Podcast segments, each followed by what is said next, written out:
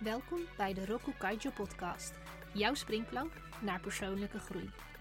Mijn naam is Marianne Reinen. Ik ben jouw host tijdens deze reis. Ongeacht hoe succesvol, vaardig of ervaren je bent, we hebben allemaal in meerdere of mindere mate te maken met angsten. Angst is een deel van mens zijn. Op zich is het ervaren van angst geen enkel probleem. Totdat angst ons zodanig beïnvloedt dat we vast komen te zitten in onproductieve of zelfs destructieve patronen of gedrag. In de wetenschap worden verschillende soorten angst genoemd. Graag wil ik stilstaan bij angst in de zin van ons eigen subjectieve gevoel van veiligheid. Ik sluit aan bij de definitie zoals die wordt gebezigd door Deborah Ancona en Dennis N.T. Perkins in hun artikel voor Harvard Business Review genaamd Family Ghosts in the Executive Suite.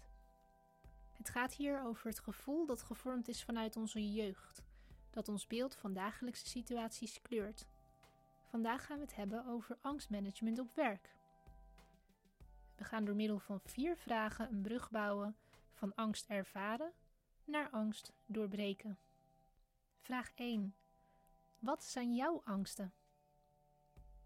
De eerste stap: identificeer voor jezelf waar jij vastloopt. De tweede stap: benoem de angsten die jou tegenhouden om bepaalde dingen juist wel of juist niet te doen.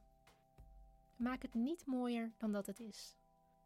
Wees eerlijk tegenover jezelf en spreek het uit, ja, hardop, ook al schaam je je misschien.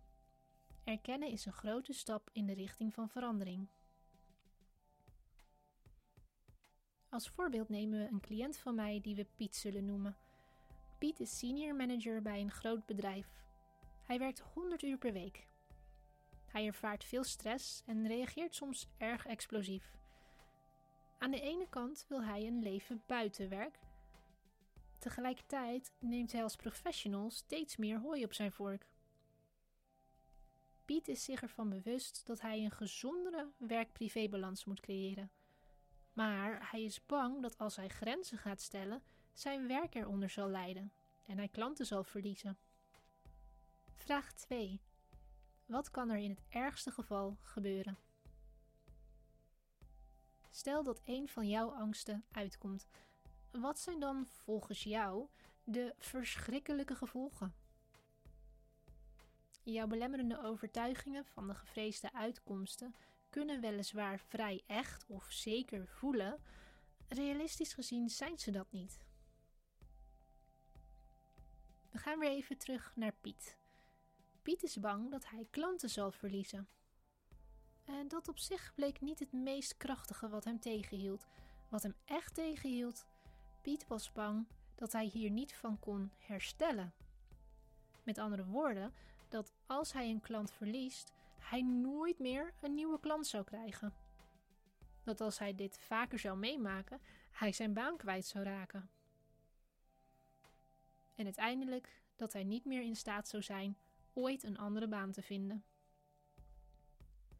Piet was er daarom van overtuigd dat hij extreem hard moest werken, omdat hij anders niet succesvol zou kunnen zijn. Vraag 3. Waar komt de angst vandaan? Het is voor deze vraag nodig uit te zoomen van de actuele situatie en in te zoomen op waar een gedachtenstroom vandaan komt. Belemmerende overtuigingen hebben namelijk een wortel. Voor sommige mensen en sommige situaties kunnen de oorzaken overduidelijk zijn, maar soms kost het wat mentaal graafwerk om dit boven te krijgen. In het geval van Piet was de angst te herleiden tot zijn jeugd. Kort samengevat, zijn vader raakte zijn baan kwijt toen Piet klein was. Dit had enorme financiële en mentale impact op het gezin. Ook al was Piet een kind, hij had goed door wat er aan de hand was. Konden ze nog wel in hun huis blijven wonen? Konden de rekeningen betaald worden? Was er wel genoeg te eten? De gevoelens van kwetsbaarheid zijn altijd een deel van Piet gebleven. Vraag 4. Hoe kun je de cirkel doorbreken? Een goede manier om te breken met belemmerende overtuigingen is het uitvoeren van veilige testen. Het zijn experimenten die niet te groot zijn en die op zich geen grote gevolgen kunnen hebben. Het voorbeeld van Piet. Hij wilde graag een gezonde werk-privébalans, maar was bang dat zijn werk hieronder zou lijden. Test 1. Hij ging aan tafel met een financieel adviseur om eens grondig naar zijn financiële situatie te kijken. Zo kreeg hij een realistisch beeld van zijn werkelijke positie. Tot zijn grote verrassing bleek hij er enorm goed voor te staan. Hij had een zeer ruime buffer en mocht hij op zoek moeten naar een andere baan, dan zou hij dat in alle rust kunnen doen, zonder stress. Test 2. Piet vroeg naar de ervaringen van gelijke en meerdere in zijn sector. Welke grenzen hebben zij gesteld? Hoe vonden zij het om dat te doen? En hoe heeft het toepassen van een gezonde werk-privébalans hen geholpen om succesvol te zijn? Het werd voor Piet duidelijk wat hij zou moeten doen, wat de gevolgen daarvan zouden zijn en hoe hij profijt zou kunnen hebben van een gezonde werk-privébalans. Door middel van deze twee testen kon Piet het oude gevoel van kwetsbaarheid langzaamaan loslaten.